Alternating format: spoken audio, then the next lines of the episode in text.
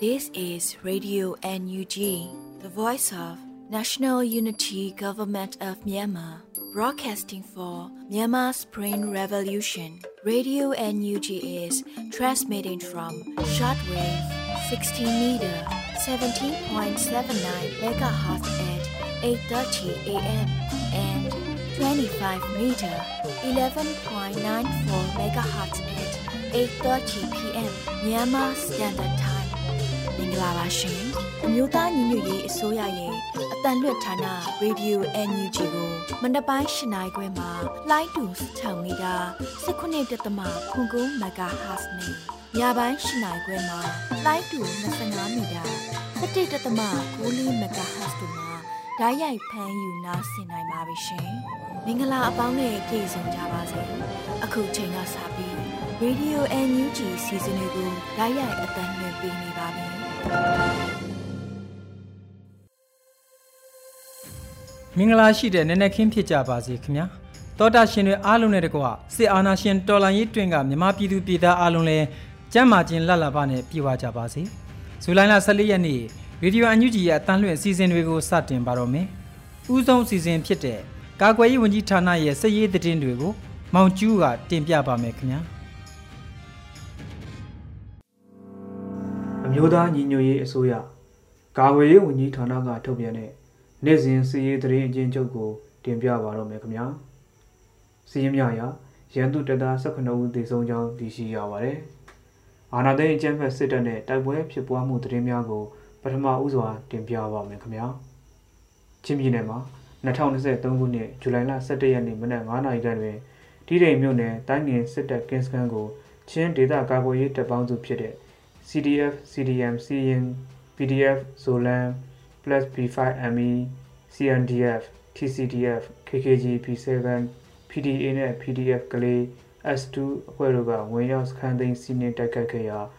9နာရီနီးပါးကြာတဲ့တိုက်ပွဲချိန်တွင်ရန်သူတပ်သား15ဦးသေဆုံးခဲ့ပြီးလက်နက်ခဲယမ်းများပါတင်စီရရှိခဲ့ပါချင်းကာကွယ်ရေးတပ်ပေါင်းစုမှရဲဘော်လေးဦးကြာဆုံးပြီးနှစ်ဦးဒဏ်ရာရရှိတော်လဲမစိုးရိမ်ရကြောင်းသိရှိရပါတယ်။ ကလေးမျိုးရင်းမှာရန်သူတပ်ကလက်နက်ကြီးဖြင့်ခုနှစ်ကြိမ်ပစ်ကူပေးခဲ့ပြီးတပ်အင်အားအနှဲငယ်ပါကား၅စီးဖြင့်လည်းတိုက်ပွဲဖြစ်ရသို့စစ်ကူစစ်လွတ်ခဲ့ကြောင်းသိရှိရပါတယ်။အထိနာခဲ့တဲ့ရန်သူတပ်ကလေကြောင်းတိုက်ခိုက်မှုများပါပြုလုပ်ခဲ့ပြီးချင်းကာကိုရေးတပ်ပေါင်းစုမှရဲဘော်များအောင်မြင်စွာဆုတ်ခွာနိုင်ခဲ့ကြောင်းသိရှိရပါတယ်ခင်ဗျာ။မွန်ပြည်နယ်မှာ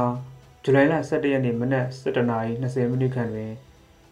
ကြိုက်ထုံမြို့နယ်မြိုင်ချောင်းကျေးရွာအုပ်စုနဲ့မုတ်ပလင်ကျေးရွာအုပ်စုကြား ရန်ကုန်မော်လမြိုင်အဝေးပြေးလမ်းမကြီးပေါ်ဖြတ်တန်းသွားတဲ့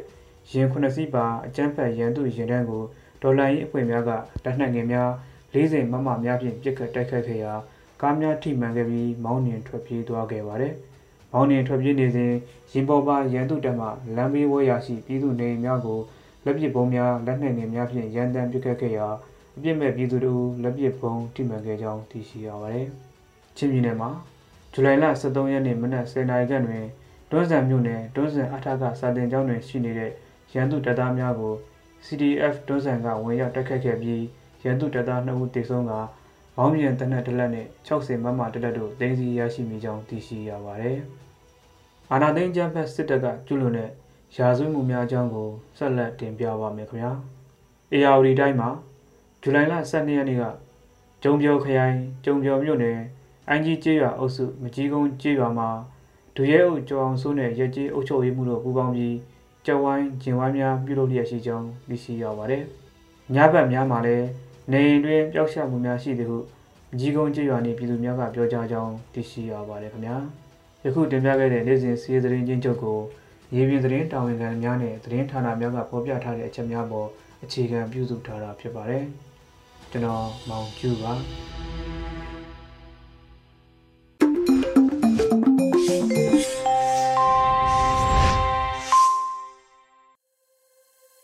စစ်ရေးသတင်းတွေကိုမောင်ကျူးကတင်ပြခဲ့တာနားဆင်လို့ပြီးပါပြီအခုတခါပြည်တွင်းသတင်းများကိုတော့နှွေဦးမွန်ကထပ်မံတင်ပြပါဦးမယ်ခင်ဗျာ2023ခုနှစ်ဇူလိုင်လ14ရက်နေ့ Radio Energy မနက်ခင်းပြည်တွင်သတင်းတွေကိုတင်ပြပေးသွားမှာဖြစ်ပါတယ်။ကျွန်မကတော့ຫນွေဦးမွန်ပါ။မြို့နယ်ပြည်သူ့အုပ်ချုပ်ရေးဖွဲ့များဟန်ချက်ညီညီပေါင်းဆက်ဆောင်ရွက်နိုင်မှသာတော်လှန်ရေးအမြန်ဆုံးပြီးမြောက်နိုင်မယ်လို့ ပြည်ထောင်စုဝန်ကြီးချုပ်ပြောဆိုတဲ့အကြောင်းအရာကိုတင်ပြပေးပါမယ်။မြို့သားညီညွတ်ရေးအစိုးရဂျာကာလဒေသန္တရပြည်သူ့အုပ်ချုပ်ရေးဖော်ဆောင်မှုဗဟိုကော်မတီအစည်းအဝေးအမှတ်စဉ်28မြင်းဆောင်2023ကိုဇူလိုင်23ရက်မှာကျင်းပခဲ့ပါတယ်။စည်းဝေးမှာဂျာကာလဒေသန္တရပြည်သူ့အုပ်ချုပ်ရေးဖော်ဆောင်မှုဗဟိုကော်မတီဥက္ကဋ္ဌပြည်ထောင်စုဝန်ကြီးချုပ်မန်ဝင်းခိုင်တန်းမှမြို့နယ်ပြည်သူ့အုပ်ချုပ်ရေးအဖွဲ့များဟန်ချက်ညီညီပေါင်းဆက်ဆောင်ရွက်နိုင်မှသာတော်လိုင်းအမြန်ဆုံးပြီးမြောက်နိုင်မယ်လို့ပြောကြားခဲ့ပါတယ်။ဆက်လက်ပြီး ပြည်သူလူထုအခြေခံဝန်ဆောင်မှုလုပ်ငန်းများအဆင်ပြေချောမွေ့နိုင်ရန်ဦးစားပေးကဏ္ဍလိုက်ဆောင်ရွက်ကြသည်ကမူဝါဒချမှတ်သောဝန်ကြီးဌာနများနဲ့မူဝါဒများကိုလေးစားလိုက်နာပြီးကောင်းထဲပေါ်ဆောင်ရွက်ပေးကြသောမြို့နယ်ပြည်သူ့အုပ်ချုပ်ရေးဖွဲ့များရဲ့ဟန်ချက်ညီညီပေါင်းဆက်ဆောင်ရွက်နိုင်မှသာတော်လိုင်းအမြန်ဆုံးပြီးမြောက်နိုင်မည်ဖြစ်ကြောင်းတော်လိုင်းရည်သည်အခင်းအကျင်းတစ်ခုကိုဖော်ဆောင်နေခြင်းဖြစ်လို့ဘုံဤမှန်းချက်တူညီသောမိသည့်အဖွဲ့အစည်းနှင့်မဆိုပူးပေါင်းဆောင်ရွက်ရန်အသင့်ရှိနေသည်ကိုသတင်းစကားအကြိမ်ကြိမ်ပေးခဲ့ပြီးဖြစ်ပါကြောင်းလည်းဝန်ကြီးချုပ်ကဆိုပါတယ်။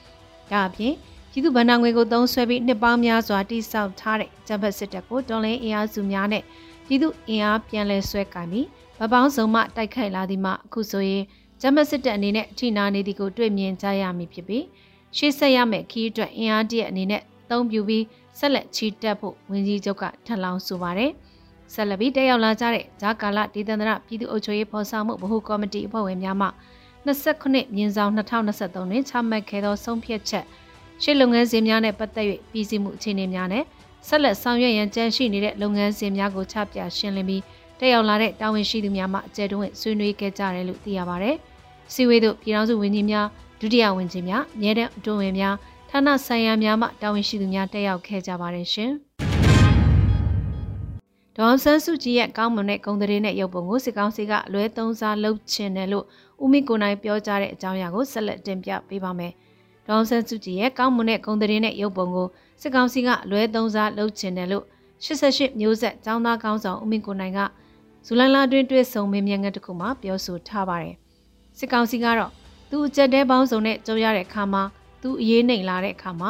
သူမတရားလုပ်ထားတဲ့သူထံကခဲပေါက်ရမလားလို့ ကြမ်းမိကြမ်းရခိုးချောင်ခိုးဝက်ကြမ်းပါပါဗျာ။ပုံစံမျိုးစုံနဲ့သူလုံမှာပဲ။တကယ်တော့ဒေါအောင်ဆန်းစုကြည်ရဲ့ကောင်းမွန်တဲ့ဂုံသတင်းနဲ့ရုပ်ပုံကိုပေါ့အဲ့ဒါကိုသူတို့သိပြီးတော့အလွဲသုံးစားလုပ်ချင်တာပေါ့ဗျာ။ကျွန်တော်တို့ကြည့်ရမှာကဒီမတိုင်ခင်မှာတီမောနိုင်ငံကိုသွားတဲ့ကျွန်တော်တို့ NUG ရဲ့နိုင်ငံခြားရေးဝန်ကြီးရဲ့ခီးစဉ်အောင်မြင်မှုတွေကိုကြည့်ပါအဲ့ဒါတွေကိုသူတို့ဖုံးကွယ်ခြင်းနဲ့အာယုံလွှဲခြင်းတာပေါ့လို့ဆိုပါတယ်ဇူလိုင်9ရက်မှာနေပြည်တော်ကိုနေချင်းမြန်ခီးစဉ်ဖြစ်ထိုင်းနိုင်ငံခြားရေးဝန်ကြီးဒွန်ဘရာမုတ်ဝီနိုင်က ဂျမတ်စကောင်စီနဲ့တွေ့ဆုံခဲ့ပြီးနိုင်ငံတော်၏တာမင်ငံပုဂ္ဂိုလ်ဒေါအောင်ဆန်းစုကြည်ကပါတွေ့ဆုံခဲ့တယ်လို့သတင်းထုတ်ပြန်ခဲ့ပါတယ်။သို့ပေမဲ့ဒေါအောင်ဆန်းစုကြည်နဲ့တွေ့ခွင့်မရရှိခဲ့ဘူးလို့လည်းသတင်းဌာနအချို့ကဖော်ပြခဲ့ပါတယ်ရှင်။ဗိတ်ခရအမှတ်1တရင်မှလက်ကူးကျေရွာတွင်မူရစေဝါရောင်းဝယ်ဖြန့်မြူးနေသောတည်င်းအရရှာဖွေဖန်စီရာဖြန့်မြူးနေသူတဦးကိုနေအိမ်မှာဖန်စီရမိတဲ့သတင်းကိုဆက်လက်တင်ပြပေးပါမယ်။2023ခုနှစ်ဇူလိုင်လ17ရက်နေ့မှာ ပြည်သူ့ကာကွယ်ရေးတပ်မတော်ဗိတ်ခရိုင်အမှတ်1တရင်မှတည်င်းအရလက်ကူးကျေရွာတွင်မူရစေဝါရောင်းဝယ်ဖြန့်မြူးနေသောဦးကျော်ရီဟာနေအိမ်တွင်ဖန်စီရမိခဲ့တယ်လို့ဗိတ်ခရိုင်အမှတ်1တရင် Floor People's Defense Force ကဇူလိုင်23ရက်မှာအတည်ပြုဆိုပါတယ်။၎င်းနဲ့အတူမြန်မာငွေကျပ်3360 2,6800တီတီ WY စေလုံး64,935ပြားဘုံဆက်ဆက်တစ်လုံးမိကျစ်နှလုံးခဲပြားတစ်လိပ်နှဆွဲ၃စုံတချမ်း ဟန်ချင်းတပင်လက်ကောက်၅ခွင်လက်စွပ်၃ခွင်ဆွဲကြိုး၃ပင်လော့ကတ်နှစ်ခုတို့အားသိမ်းဆေးရမိခဲ့ပါတယ်။ဖန်စီရမိတဲ့မွေးရစင်ဝါဖြန့်ပြရောင်းချနေသည့်ဦးကျော်ရင်းနဲ့အတူသိမ်းစီရမရှိမိသည့်ပစ္စည်းများအားပလောမြို့နယ်ပြည်သူ့အုပ်ချုပ်ရေးအဖွဲ့ထံအနံပြီးဥပဒေနဲ့ညီရေးယူမှုများလှုပ်ဆောင်ရန်ဆောင်ရွက်လျက်ရှိတယ်လို့သတင်းရရှိပါရရှင်။မော်လမြိုင်ရေးတဝဲအမှတ်၈ပြည်ထောင်စုလမ်းမကြီးလုံခြုံရေးအတွက် KNL PDF ပူးပေါင်းတပ်ဖွဲ့ဝင်တွေဟာလန်တလျှောက်ဖြတ်တန်းသွားလာနေကြတဲ့မော်တော်ယာဉ်တွေစစ်ဆေးခြင်းကိုနေ့စဉ်ဆောင်ရွက်နေတဲ့သတင်းကိုလည်းတင်ပြပေးပါမယ်။မော်လမြိုင်ရေးတဝဲအမှတ်၈ပြည်ထောင်စုလမ်းမကြီးလုံခြုံရေးအတွက် KNL PDF ပူးပေါင်းတပ်ဖွဲ့ဝင်တွေဟာလမ်းတလျှောက်ဖြတ်တန်းသွားလာနေကြတဲ့မော်တော်ယာဉ်တွေစစ်ဆေးခြင်းကိုပြီးခဲ့တဲ့ဇွန်လ15ရက်နေ့ကစပြီးနေ့စဉ်ဆောင်ရွက်နေတယ်လို့ဒုစစ်ဒေသကွဲမှုယုံမှတ်သုံးစစ်ဒေသကွဲတောင်ပိုင်းတိုင်း GOC ကဇူလိုင်23ရက်မှာအသိပေးဖော်ပြပါဗျ။ ဇူလိုင်လ23ရက်မနက်9:40ကနေ17:00နာရီထိပြည်ထောင်စုလမ်းမကြီးတလျှောက်လုံခြုံရေးအရာယူစစ်ဆေးနေတာတွေကိုဆောင်ရွက်ခဲ့ပြီးခီးသွွားပြည်သူတွေဘက်ကလည်းအပြည့်အဝပူးပေါင်းဆောင်ရွက်ခဲ့ကြတယ်လို့သတင်းရရှိပါဗျ။အာနာသိန်းဂျမတ်စစ်တပ်ရဲ့လက်အောက်ခံတရင်တပ်ဖွဲ့တွေဟာရသားကားနဲ့ခီးသည်တင်ကားတွေကိုအုံပြုပြီးလက်နက်ခဲယမ်းတွေအပါအဝင်စီယာတိုးချဲတာတွေဆောင်ရွက်နေတဲ့အတွက်မော်လမြိုင်မှုတို့ရေးတံပြူစီရန်တဝဲဗိတ်လန်းမှာတွာလာနေတဲ့မော်တော်ယာဉ်တွေအနေနဲ့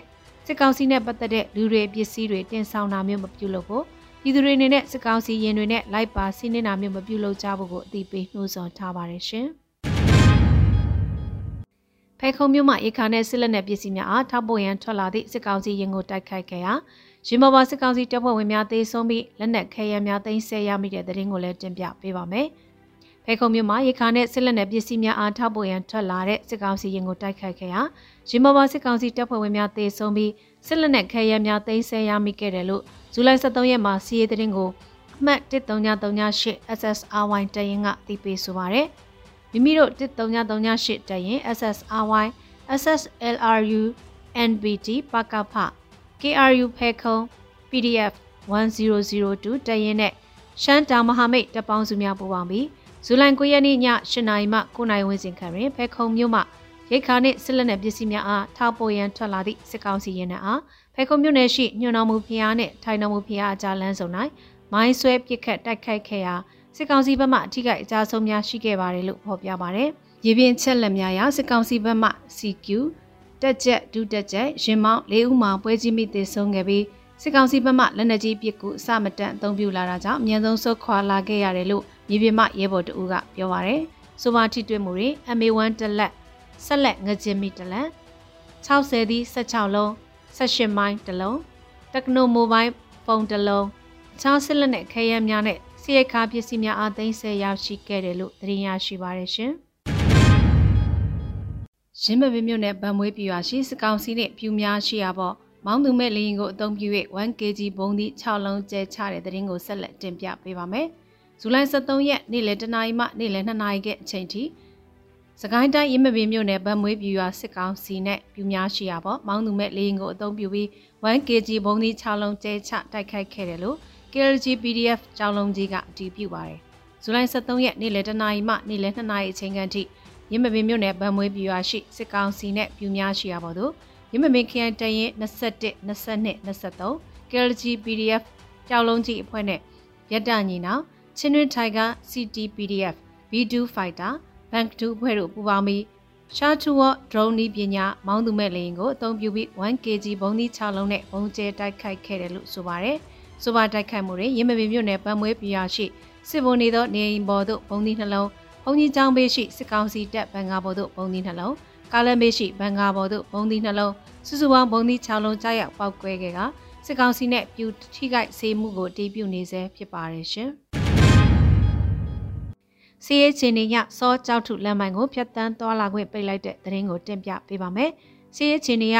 စောကြောက်ထုလမ်းမိုင်ကိုဖျက်တမ်းသွားလာခွင့်ပိတ်ထားလိုက်တယ်လို့မတ်73တရင်ကန်ကောခရိုင်ကရေးပေါ်တီးပေးကြေညာချက်တရက်ကိုဇူလိုင်23ရက်မှာထုတ်ပြန်ပါတယ်။လက်တလောစီရေးချင်းရယခုချိန်မှာစ၍စောကြောက်ထူလမ်းမိုင်အားဖြတ်တန်းသောလာခဲ့ပိတ်ပင်လိုက်ပါတယ်လို့ဆိုပါတယ်။ရေးများဖြတ်တန်းလိုပါကသက်ဆိုင်ရာတရင်တပ်ဖွဲ့များထံအကြောင်းကြားရန်လို့အကြောင်းသိရပါတယ်ရှင်။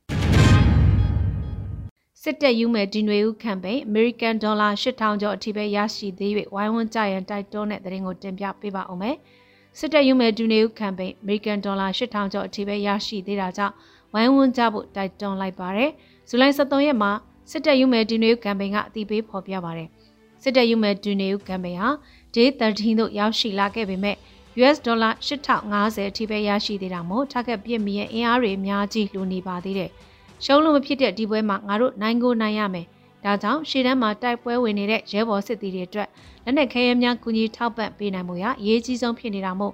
ဒီကမ်ပိန်းမှာမပါဝင်လိုက်ရမရှိရလေအောင်သက်ဆိုင်ရာနိုင်ငံလိုက်ဖန်ရေဇာများထံမှအမြန်ထောက်ဖို့ကူညီလိုက်ကြပါစို့လို့ဆိုပါတယ်စစ်တပ်ယူမယ်ဒီနွေ project ဟာ3500ကမ်ပိန်းဖြစ်ပြီးတော့နေစီမချ freedom စစ်ကြောင်းအဖွဲ့နဲ့ထောက်ဖို့နေကြ UG အဖွဲ့ချုပ်ကိုထောက်ပို့သွားမှာဖြစ်တယ်လို့သိရပါတယ်ရှင် ခုတင်ပြခဲ့တဲ့သတင်းတွေကို Radio Energy သတင်းတော့မင်းတီဟန်ကပေးပို့ထားတာဖြစ်ပါတယ်ရှင်။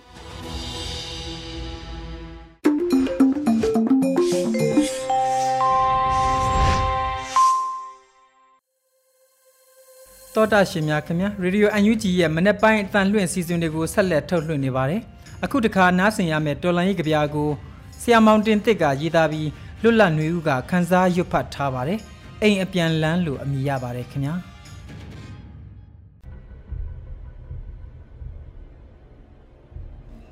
အိမ်အပြန်လန်း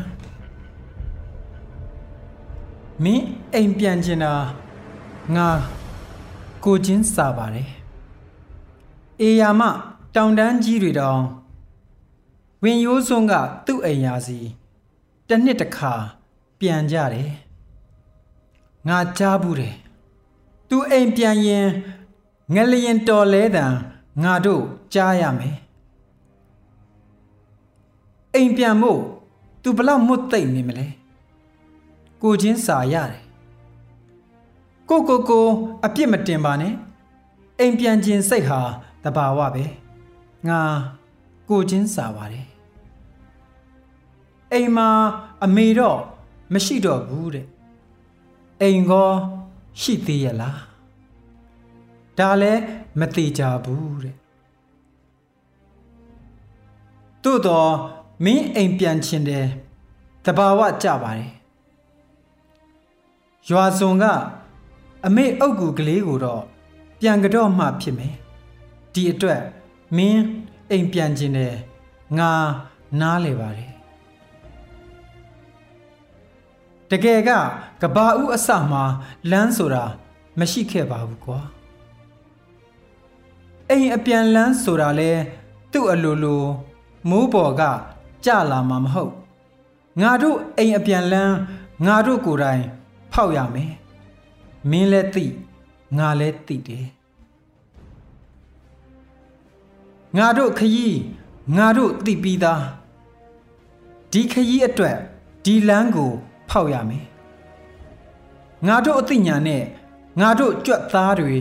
အထက်ထခင်းလို့ဒီလမ်းကို ဖောက်ရမယ် အခုဆိုလမ်းဥချောင်းကိုမြင်ရပြီငါတို့ဆက်ဖောက်ကြတာပေါ့ငါတို့အသိဉာဏ်နဲ့ငါတို့ကြွက်သားတွေအထက်ထခင်းလို့ဒီလမ်းအတိုင်းမင်းအိမ်ပြန်ရမှာပဲမင်းအိမ်အပြန်ခရီးဟာဒီလမ်းပေါ်မှာရှိနေတယ်ဒီလမ်းအတိုင်းအခုမင်းအိမ်ပြန်နေပါတယ် မင်းချီလှမ်းတိုင်းရဲ့တော်လဲတံတကဘာလုံးကြားနေတယ်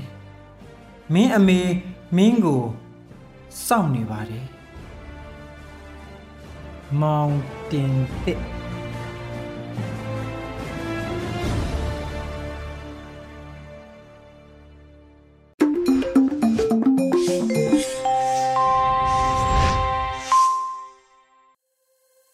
ဇူလိုင်လ14ရက်နေ့ရေဒီယို UNG ရဲ့မနေ့ပိုင်းထုတ်လွှင့်မှုအစီအစဉ်တွေဖြစ်ပါတယ်။အခုတခါမိုးမခသတင်းမြင်ကွင်းဆောင်းပါးတစ်ပုဒ်ကိုထပ်မံတင်ပြပါမယ်။ဒေါ်အောင်ဆန်းစုကြည်နဲ့တွေ့ခဲ့တဲ့ဆိုတဲ့ထိုင်းနိုင်ငံသားရေးဝန်ကြီးတွေ့ဆုံမှုရဲ့ကြရက်လိုအမိရတဲ့ခေါင်းစဉ်နဲ့သတင်းမြင်ကွင်းဆောင်းပါးကိုဟင်းကိုကိုကဖတ်ကြားတင်ပြပါတော့မယ်ခင်ဗျာ။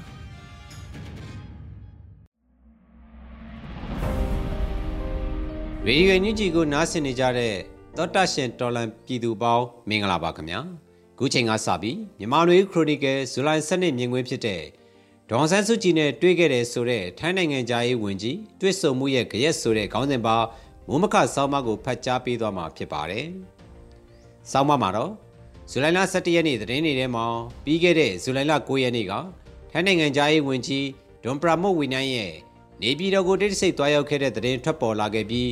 ဘာအကြောင်းကြောင့်သွားခဲ့တယ်ဆိုတာမသိရှိကြသေးပဲ။နောက်တရက်ကြာဇူလိုင်12ရက်နေ့မနက်မှာတော့ထိုင်းနိုင်ငံသားရေးဝန်ကြီးရဲ့နေပြည်တော်ခရီးစဉ်ကဒေါအောင်ဆန်းစုကြည်နဲ့တွေ့ဆုံဖို့သွားခဲ့တာဖြစ်ပြီးတွေ့ခွင့်ရခဲ့တဲ့အကြောင်းဒေါအောင်ဆန်းစုကြည်ရဲ့သတင်းစကားကိုလက်ရှိကျင်းပနေတဲ့အာဆီယံစည်းဝေးမှာဖတ်ကြားဖွယ်ရှိတယ်ဆိုတဲ့သတင်းကရုပ်ချီးပြန့်နှံ့သွားခဲ့တာဖြစ်ပါတယ်။ပြီးခဲ့တဲ့နှစ်နှစ်ကျော်ကာလမှာနိုင်ငံတကာခေါင်းဆောင်တွေအာဆီယံလက်ကျဥက္ကဋ္ဌတာဝန်ယူခဲ့တဲ့နိုင်ငံကကိုယ်စားလှယ်တွေ ကုလသမဂ္ဂရဲ့အထူးကိုယ်စားလှယ်တာဝန်ပေးရခြင်းခံရသူတွေတဦးတယောက်မှတွဲဆုံခွင့်မပေးခဲ့ပဲနှစ်နှစ်ခွဲနီးပါးအကြာမှာထိုင်းနိုင်ငံသားရေးဝန်ကြီးကိုဒေါန်ဆန်းစုကြည်နဲ့တွေ့ခွင့်ပေးခဲ့ခြင်းကဘာကြောင့်ဖြစ်နိုင်တယ်လဲဘာတွေအကျိုးသက်ရောက်မှုရှိမလဲသူကအကျဉ်းထောင်ပြင်ပမှာဖြစ်နေတဲ့သူဦးဆောင်ခဲ့တဲ့ပါတီအဲ့ဒီပါတီကခေါင်းဆောင်အများပြားပါဝင်နေတဲ့လက်နက်ကင်တိုက်ခတ်ရေးလမ်းစဉ်တနိုင်ငံလုံးအနှံ့ပြားဖြစ်ပွားနေတဲ့အကြမ်းဖက်မှုတွေတပ်ဖြတ်မှုတွေ နေမိရှုဖြစ်စည်းခံရတာတွေတသန်းခွဲကျော်လာပြီဖြစ်တဲ့စစ်ဘေးရှောင်ပြည်သူတွေနဲ့စီးပွားရေးကျဆင်းမှုညှော်လင့်မထားတဲ့ပမာဏနဲ့ရာဇဝတ်မှုတွေနေ့စဉ်နေရာတိုင်းမှာဖြစ်ပွားနေတာတွေနဲ့ပတ်သက်လို့သူဘလောက်ထိသိတယ်လဲ။ဘာမှတ်ချက်ပေးမလဲဆိုတဲ့တွေးဆမှုတွေအများအပြားပေါ်လာတာဖြစ်ပါတယ်။စစ်ကောင်စီအနေနဲ့မြန်မာနိုင်ငံရေးနယ်ပယ်ကနေဒေါန်ဆန်းစုကြည်ကိုဖယ်ထုတ်ဖို့ဆန္ဒရှိခဲ့တာစ조사ခဲ့တာကို ပြီးခဲ့တဲ့နှစ်နှစ်ကျော်ကာလအတွင်းမှာကုလအထူးကိုယ်စားလှယ်အာဆီယံအလက်ကျဥက္ကဋ္ဌရဲ့အထူးကိုယ်စားလှယ်တွေနဲ့တွေ့ခွင့်မပေးတာကိုကြည့်ရင်သိနိုင်ပါတယ်။ဒေါန်ဆန်းစုကြည်ကမြန်မာနိုင်ငံရေးမှာအရေးပါတဲ့ပုဂ္ဂိုလ်လို့ရည်ညွှန်းပြီးသူနဲ့တွေ့ခွင့်တောင်းခံတဲ့ကိစ္စကိုစစ်ကောင်စီဘက်ကလူပုဂ္ဂိုလ်တူတယောက်ကြောင့်ဆိုတဲ့ပြောဆိုမှုကောက်ချက်တွေကိုလက်မခံဘူးလို့တလျှောက်လုံးပြောလာခဲ့တာဖြစ်ပါတယ်။ဒါပေမဲ့အခုချိန်မှာတော့ဒီစင်ကြေနဲ့စက်ကြည်ပြီး ထိုင်းနိုင်ငံသားရေးဝန်ကြီးကိုအာဆီယံအစည်းအဝေးမတိုင်ခင်ရက်အနေငယ်အလိုမှာတွေ့ခွင့်ပေးလိုက်ခြင်းဟာဒေါန်ဆန်းစုကြည်ရဲ့အခမ်းကဏ္ဍကိုသုံးပြီးလက်ရှိနိုင်ငံတကာဖိအားပြည်တွင်းလက်နက်ကင်ပြည်ပခတွေကိုရော့ကျအောင်တနည်းအားဖြင့်စစ်ကောင်စီအနေနဲ့ထွက်ပေါက်ရဖို့ကြိုးပမ်းတာလို့ဆိုရင်မှားမယ်မထင်ပါဒေါန်ဆန်းစုကြည်နဲ့တွေ့ခဲ့တယ်မတွေ့ခဲ့ဘူးဆိုတဲ့စက်ကြင်ဘက်အချက်လက်နဲ့သတင်းအချို့လည်းပြည်တွင်းသတင်းဌာနအချို့မှာဖော်ပြကြတာတွေ့ရပါတယ်။ ARD တိုင်းသတင်းဌာနကစတင်ဖော်ပြပြီးနေပြည်တော်သတင်းရင်းမြစ်တွေကိုအခြေခံပြီးရေးသားထားတာဖြစ်ပါတယ်။နိုင်ငံခြားရေးဝန်ကြီးနေပြည်တော်ကျင်းထောင်ထဲဝင်သွားတာကိုအတိပြုပေမယ်။ဒေါန်ဆန်းစုကြည်ကလက်ခံတွစ်ဆုံတယ်ဆိုတဲ့အချက်ကိုမေးခွန်းထုတ်တန်တရားဝင်တဲ့သဘောမျိုးရေးသားထားတာဖြစ်ပါတယ်။နိုင်ငံရေးအင်အားစုအချို့ကလည်းတွေ့တယ်ဆိုတာကိုဘယ်လိုယုံရမလဲ။ဖန်ဆီးထားတဲ့ချုံနှုံထားတဲ့အခြေအနေအောက်မှာ ဖမ်းထားသူကခွင့်ပေးလို့တွေ့ရတာဆွေးနွေးမှုတွေရှိတယ်ဆိုတာမဖြစ်နိုင်ဘူး။နောက်တစ်ချက်အနေနဲ့ကြိုတင်သတ်မှတ်ချက်မထားဘဲတွစ်ဆုံဆွေးနွေးမှုကိုဒေါန်ဆန်းစုကြည်ကထောက်ခံတယ်ဆိုတာမဖြစ်နိုင်ဘူး။စတဲ့တန်တရားတွေလက်ရှိသွားနေတဲ့လက်နက်ကိုင်တော်လိုင်းရေးလမ်းကြောင်းအပေါ်ကြရက်ရိုက်ခတ်လာနေတဲ့သဘောတွေလည်းတွေ့လာရပါတယ်။ဒီနေရာမှာလေတော်လိုင်းရေးကဒေါန်ဆန်းစုကြည်ကြောင့်ပေါ်လာတာမဟုတ်ဘူး။ဒီတော်လိုင်းရေးဟာ 1958 1962ခုနှစ်တွေကအစပြိုးလိုက်တဲ့စစ်အာဏာရှင်စနစ်နိုင်ငံရေးမှာစစ်တပ်ကလွှမ်းမိုးမှုစစ်အာဏာသိမ်းမှုစတဲ့အစဉ်အလာတွေတမိုင်းတွေကိုပြောင်းပြန်လှန်ဖို့ဆိုတဲ့လူငယ်အများစုကယူဆကြတဲ့အယူအဆနဲ့ဒေါန်ဆန်းစုကြည်ကိုမြမနိုင်ငံရေးကဖယ်ထားလို့မဖြစ်ဘူးဆိုတဲ့လူကြီးပိုင်းနဲ့လူလက်ပိုင်းချို့ကယူဆကြတဲ့အယူဆဝဲပြားနေတာအခုဖြစ်ရက်က မိမောင်းထိုးပြလိုက်တယ်လို့ရှိတာဖြစ်ပါတယ်။ဒေါန်ဆန်းစုကြည်ကိုဗဟိုပြုပြီးစီယုံကအာနာသိန်းစစ်တပ်ကိုအမြင့်ဖြတ်မယ်လို့ရည်ရွယ်ထားတဲ့နိုင်ငံရေးလမ်းစဉ်ကတစ်ခုဖြစ်တယ်လို့လက်နက်ကိုင်လမ်းစဉ်အကြမ်းနီးနဲ့တိုက်ခိုက်တဲ့လမ်းစဉ်ကိုဒေါန်ဆန်းစုကြည်သဘောတူသည်ဖြစ်စေမတူသည်ဖြစ်စေဒါကသမိုင်းကပြဋ္ဌာန်းတဲ့လမ်းစဉ်ပဲဖြစ်တယ်။ဒါကြောင့်မိမိတို့လမ်းစဉ်အတိုင်းလမ်းဆုံးတိုင်ရှောက်မယ်ဆိုတဲ့ယူဆချက်မျိုးရှိတဲ့သူတွေလည်းတွေ့ရမှာ ဖြစ်ပါတယ်။မြို့သားညီညွတ်ရေးအစိုးရ NUG အနေနဲ့ဒီ NUG အစိုးရလက်နက်ကင်တပ်တွေဟာတပ်ပေါင်းစုလို့ယူဆထားတဲ့ဆိုရင်တနည်းအားဖြင့်ဒီမူဝါဒကိုကင်ဆွဲထားတဲ့ဆိုရင်လက်နက်ကင်လမ်းစဉ်ကိုဒေါန်ဆန်းစုကြည်သဘောတူသည်မတူသည်ကအရေးမကြီးပဲမိမိတို့ရဲ့တပ်ပေါင်းစုအတွင်းစီလုံးညီညွတ်ရေးအမြင်သဘောထားယက်တီချက်တစ်ခုတည်းအောက်မှာရှိရည်သည်သာပိုအဓိကကြတာဖြစ်ပါတယ်ဒီလိုမဟုတ်ပဲ ဒေါန်ဆန်းစုကြည်ရဲ့နိုင်ငံရေးအရေးအောက်ကထွက်ဖို့ဒါမှမဟုတ်လွတ်လပ်စွာဆုံးဖြတ်ရက်တီဖို့မကြိုးစားရင်တော့မဟာမိတ်တွေအကြားတက်ကြွသူလူငယ်တွေကိုပိုင်ပြတ်ထန်းခွင့်အတွက်တိုက်ပွဲဝင်နေကြတဲ့တိုင်းရင်းသားလက်နက်ကိုင်အင်အားစုတွေအကြားမှာတခုတည်းသောပန်းနိုင်ကိုတခုတည်းသောအများဆုံးဖြတ်သဘောတူသောနီးလန်းနဲ့တွားနေကြတာမျိုးမဟုတ်ပဲတော်လရေးပန်းနိုင်တစ်ခုမကရှိလာနိုင်ပြီးနီးလန်းလည်းအမျိုးမျိုးအသွက်သွဲဖြစ်လာနိုင်တဲ့အနေအထားဖြစ်ပါတယ်။ တနည်းအားဖြင့်ဆိုရရင်ဒေါ်ဆန်းစုကြည်နဲ့တွေ့တယ်မတွေ့ဘူး။သူကလက်ရှိຫນွေဦးတော်လရေးလို့ခေါ်ဆိုတဲ့လက်နက်ကင်တိုက်ပွဲတွေအပေါ်သဘောထားဆိုတာတွေကစစ်ကောင်စီအတွက်အားကိုးစရာဆွဲခိုစရာဖြစ်ပြီးလက်နက်ကင်တော်လှန်ရေးလမ်းကြောင်းကိုချမှတ်ကင်ဆွဲထားသူတွေအနေနဲ့ဒေါန်ဆန်းစုကြည်ရဲ့နိုင်ငံရေးအရေးထိုးမှုအောက်ကရုံထွက်ကြဖို့လိုအပ်နေပြီဆိုတဲ့အချက်ကထင်ရှားလာတာဖြစ်ပါတယ်လို့ရေးသားထားပါတယ်ခင်ဗျာ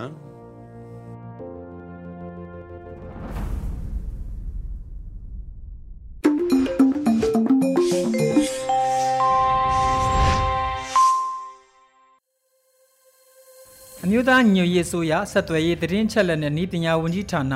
ရေဒီယို UNG ရဲ့မနေ့ပိုင်းအတန်လွှင့်စီစဉ်တွေဖြစ်ပါတယ်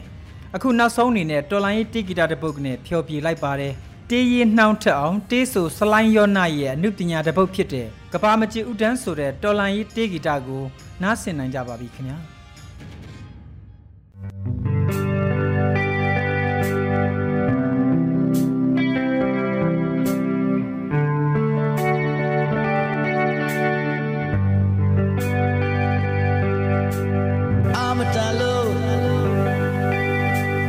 လျှော်ထားတာပါကြောက်ရွံ့သွား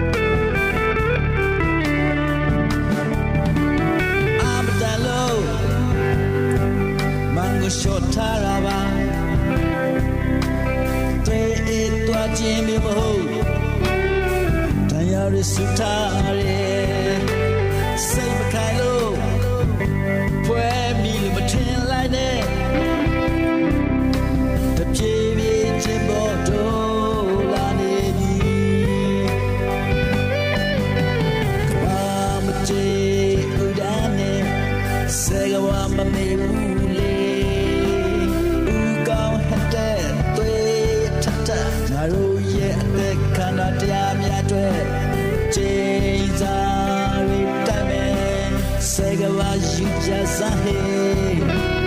တွေ့နေရင်ဒီပေစခဲမရို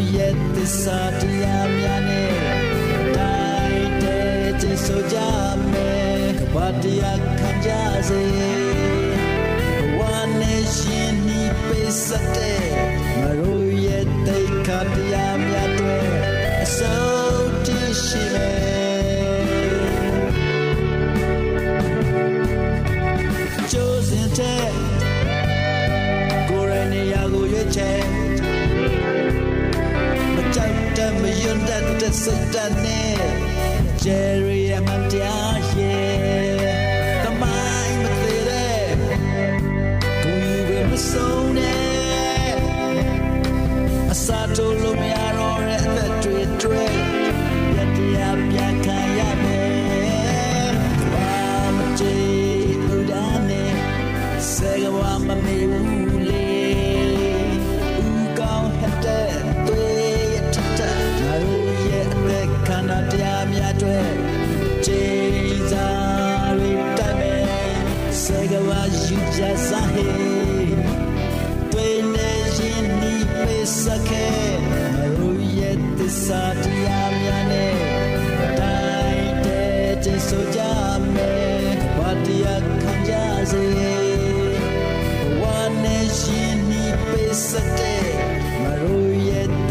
တိတ်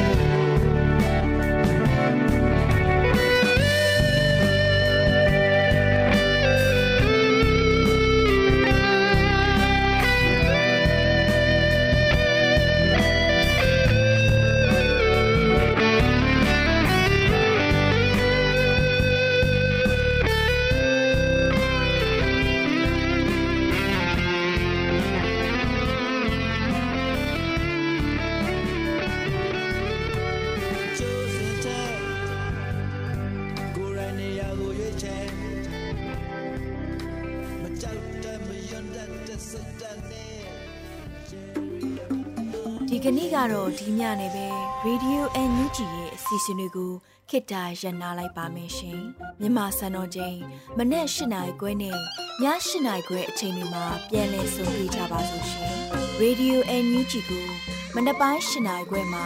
လိုင်းတူ16မီတာ19.7ခုကူမဂါဟတ်နဲ့ညပိုင်း၈နိုင်ခွဲမှာလိုင်းတူ25မီတာ17.6မဂါဟတ်တို့မှာဓာတ်ရိုက်ဖမ်းယူနားဆင်နိုင်ပါပြီရှင်။